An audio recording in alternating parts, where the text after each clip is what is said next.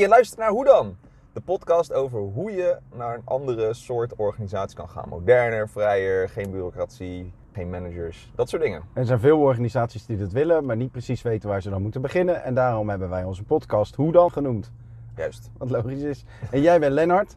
En jij bent Cedric. Je kan dit luisteren in de auto, net als dat wij het opnemen in de auto. En je kan ons ook bellen. Of Wat? mailen. Hoe dan ook. Ga lekker luisteren naar de komende podcast. Sorry dat deze intro iets te lang duurde en sorry dat hij niet zo heel erg goed is. Maar ja, hè? we zijn zo lekker onszelf. Koop ook ons boek. Hallo allemaal. Hallo. We beginnen vandaag met een eh, ja, vraagje van iemand op LinkedIn. Oh, oh. Hoi Cedric, ik beluister jullie podcast van Kito Ei al sinds een ruime tijd. Het is ontzettend inspirerend. Nu ben ik benieuwd naar jullie learnings voor de manier van winstdeling en hoe je dit juridisch het beste kan regelen. Erg benieuwd naar je reactie. Nou, dat is een hele brede vraag, dus ik heb gezegd, eh, goed als we een podcast opnemen over dit onderwerp, kan je iets specifieker ingaan op je eigen situatie. Eh, lijkt me top. We willen met onze organisatie het liefst een apart bedrijf opzetten waar we allemaal aan werken. Een webshop waar iedereen eigenaar van is en winstdeling uit kan ontvangen. Ik heb gevraagd wat zijn jullie ideeën so far. Nou, ja, ja, ja, juridische structuur, BV met een stak, stichting administratiekantoor, certificaten uitgeven, etc. Qua uitvoering vinden we het tof om een eigen webshop te hebben die we licht kunnen opdelen in meerdere shops, zodat verschillende teams hier aan kunnen werken. Hierdoor hopen we ook een deel eigenaarschap en ook het begrijpen van de business, eh, businesskant in plaats van alleen marketinguitvoering. Op zich heel erg leuk, hè? Ja. Dat je ook met z'n allen gaat- lekker gaat leren. Dus het is eh, doen, bouwen, eh, bezitten, leren. Heel Mhm. leuk. Ja, tof, tof, tof. Ehm, we zitten nog wel met een uitdaging. We willen namelijk het teamgevoel behouden en iedereen mee laten delen met de toekomstige winsten. Maar er zullen ook mensen zijn die niet mee willen of kunnen doen vanwege inzet of tijd.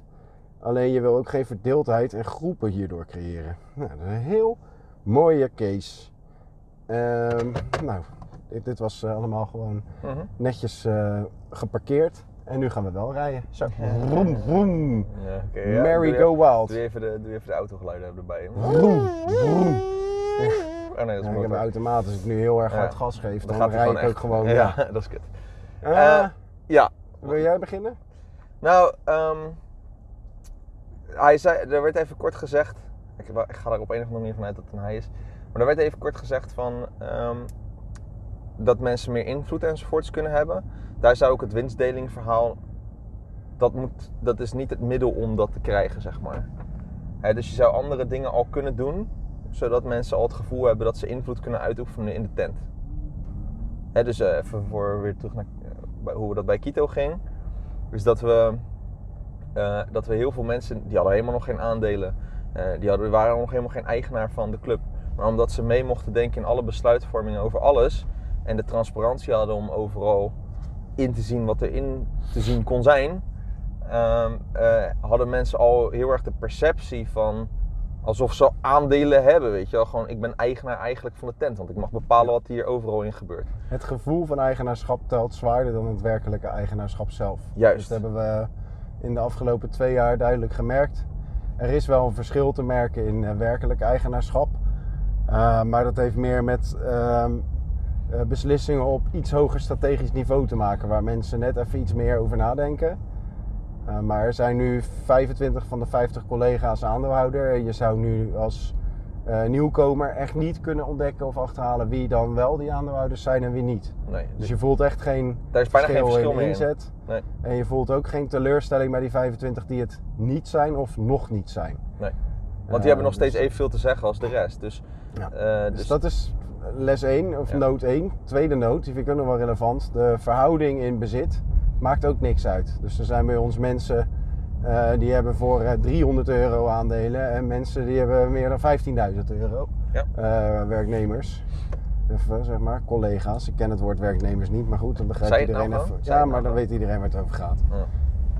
Ehm, maar ook daarin merk je geen verschil in eh, toewijding, inzet of dat soort zaken. Eh, maar was het naar rato van eigen inleg. En dat kon je zelf bepalen. Ja. Dus stel even in deze situatie dat je uitgaat van joh, eh, iedereen eh, shared. Hè, dus iedereen deelt gelijk. Mhm. Sommige mensen zullen wat meer doen.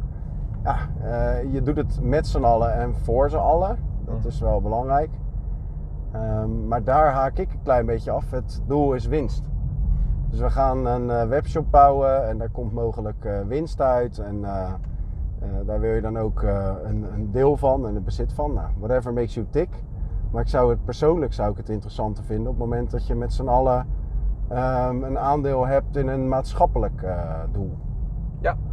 Ja. Want je gaat natuurlijk, eh, je kan natuurlijk ook in plaats van de winstdeling kan je ook zeggen, joh, alles wat wij eh, extra over hebben, dat stoppen we gewoon weer terug in salaris als mensen gewoon een hogere paycheck willen. Dus waarom zou je het dan in winst doen? Je hoeft het inderdaad Dus- niet te zoeken in aandeelhouderswaarde of in dividend. Je kan inderdaad ook kijken of de geldstromen eh, op basis van inzet kunnen worden verdeeld. Precies. En dan ga je gewoon naar salaris kijken, simpelweg. En, en, en, en ehm, daar zit ook nog eens bij dat je denk ik dus een, nogmaals een onderscheid kan maken tussen... eh, of, eh, ik denk dat je het aandeelhouderstuk en besluitvorming, dat je die twee dingen moet loskoppelen. Dus je kan ook nog eens, je kan op zich ook nog wel het bezit hebben. Dus dat je, bij Kito is het ook, je zit erin met je aandelen omdat je erbij wil horen. Eh, omdat je mogelijk op hele, hele, hele lange termijn eh, er al wat geld aan wil verdienen door bijvoorbeeld je aandelen te verkopen als het meer waard is. En omdat je erin gelooft, heb je er dus nu al wat geld in gestopt. Ehm, dat eh, eh, kan, hè? want je krijgt hier misschien wel meer eh, rente voor je geld dan als je het op de bank eh, spaarrekening pleurt. Ja. Dus daar, dat is dan een goede overweging. Maar wij hebben het- aandeelhouderschap wel losgekoppeld van de besluitkracht. Dus de aandeelhouders hebben nul besluitkracht. Die kunnen alleen maar adviseren. En de collega's, dus gewoon de mensen die er in de BV's werken, die hebben gewoon volle besluitkracht. En daardoor, doordat je dat loskoppelt, dan maakt de verhouding inderdaad in, zoals Seth zei, ja, zoals Ja. jij zei net, eh, die verhouding tussen wat iemand heeft qua hoeveelheid aandelen maakt er niet uit. Want wat er anders gaat gebeuren is, ah, ik heb meer aandelen dan jij, dus ik, ik, eh, ik heb meer besluitkracht dan jij. Wat gelukkig al wel ehm, enigszins veilig is eh, gesteld met stak. Dus daar, is een, daar wordt een bestuur aangewezen. Mhm. Van die eigenlijk alle aandeelhouders, certificaathouders in dit geval, vertegenwoordigt. Maar het is dus wel belangrijk wie je daar als bestuur aanwijst. Zijn dat mensen die meer uitgaan van vertrouwen en de autonomie bij de medewerkers willen leggen, of de uitvoerders? Of zijn dat de mensen die. eh, sorry hoor, mijn. eh, Je auto ging mijn aan. auto ging aan. Voice. Nou weet ik het gelijk even niet meer. Mary die eh, kwam er even in. nou ja, wie, eh, wie je aanstelt als, eh, als bestuurders. Hè? Leggen die de autonomie bij de, bij de mensen die erop aan het werk zijn? Of eh, zijn dat dan ook daadwerkelijk eh, aanstuurders van de mensen die erop werken? Dat is wel heel erg relevant. Ehm, in het geval van, eh, van Quito hebben we er echt voor gekozen van nou goed, de aandeelhouders die zijn alleen maar aandeelhouders, maar de besluitkracht die ligt toch echt bij de medewerkers. Yes. Ehm, en dat maakt verder niet echt uit hoe je het belegt qua juridische structuur. Dus bij ons is het geen stak, maar hebben we gewoon eh, echt gezegd: oké, we hebben 2000 aandelen. En die, zijn, eh, ja, die waren eh, een tijdje te koop. Nou, ik heb er het meest. En jij hebt een bekkie. Maar jij hebt ook nog aandelen in een deelentiteit. Dus Ja. dat zijn ook nog allerlei eh, opties waar je aan zou kunnen denken. Maar op het moment dat het toch al een stak is, dat is in feite een stichting. Dus je zou ook kunnen zeggen, oké, waar is een stichting ook echt voor bedoeld? Het is caritatief of niet winstbejag uit. Je zou Mhm. ook kunnen zeggen, joh, we zijn met z'n allen bezig op een maatschappelijk vlak. En het eh, geld zit niet per se bij het verdienen van de aandeelhouders, maar bij de inzet. Dus eh, je zou, hè, er zijn ook mensen die werken bij stichtingen die geld ophalen voor het goede doel. Ehm, en die stichting maakt niet per se winst, maar er worden wel hele goede salarissen verdiend. Eh, Ja. Denk aan de topbestuurders van NGO's. Nou ja, ik vraag me af. Ik, ik denk dat ik liever, liever dat salaris van 4 ton heb dan dat ik 1% aandelen heb van zo'n specifiek goed doel. Mhm. Je zou ook kunnen kijken, oké, iedereen is deelgenoot, dat is prima. Dus eh, we bezitten het met z'n allen. Maar dan kun je dus ook nog eens gaan kijken naar wie zijn dan die bezitters? Zijn dat alle mensen die bij dat, bij dat bedrijf werken van hem? Ja. Of zijn dat bijvoorbeeld ook eh, toeleveranciers of klanten van dat bureau?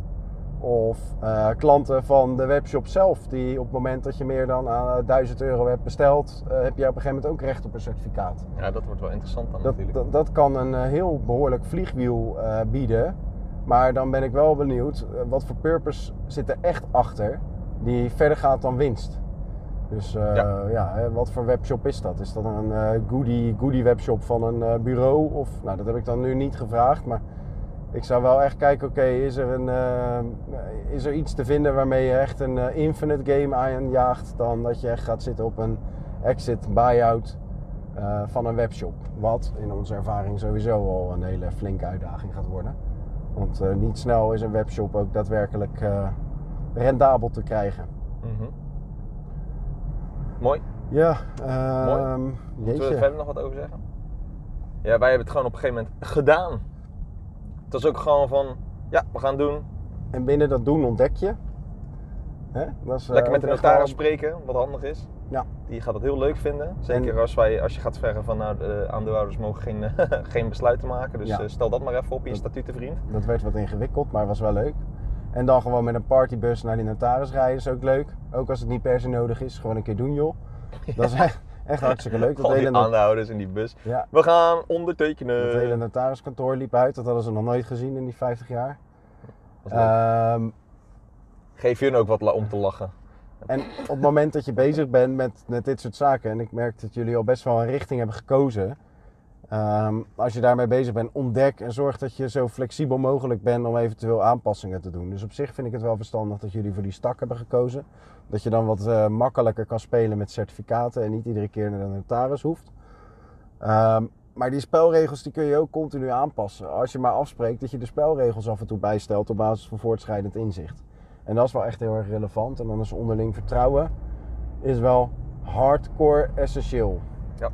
Ja. Dus ehm, ken de mensen met wie je dat gaat doen. En laat die mensen die dat, eh, met wie je dat gaat doen ook de organisatie kennen of het doel erachter. Dan eh, merk je dat iedereen eigenlijk heel erg flexibel en meegaand is in eh, keuzes die je maakt op basis van voortschrijdend inzicht. Hey, en als je nou gewoon alleen maar winstdeling wil en niet per se dat hele aandelenverhaal of stakverhaal, kan dat? Kan Ja. ook gewoon inderdaad toch een soort van, oh we hebben winst, dus dat verdelen we gewoon over de collega's afhankelijk van hun inzet of eh, Nou, dat is dus dan bonus, vraag. eh, achter Dan ga je de spelregels bepalen. Doe je dat dan op basis van inzet, op basis van eigenaarschap? Of op basis van eh, relevantie, meer nog dan inzet, bijvoorbeeld output.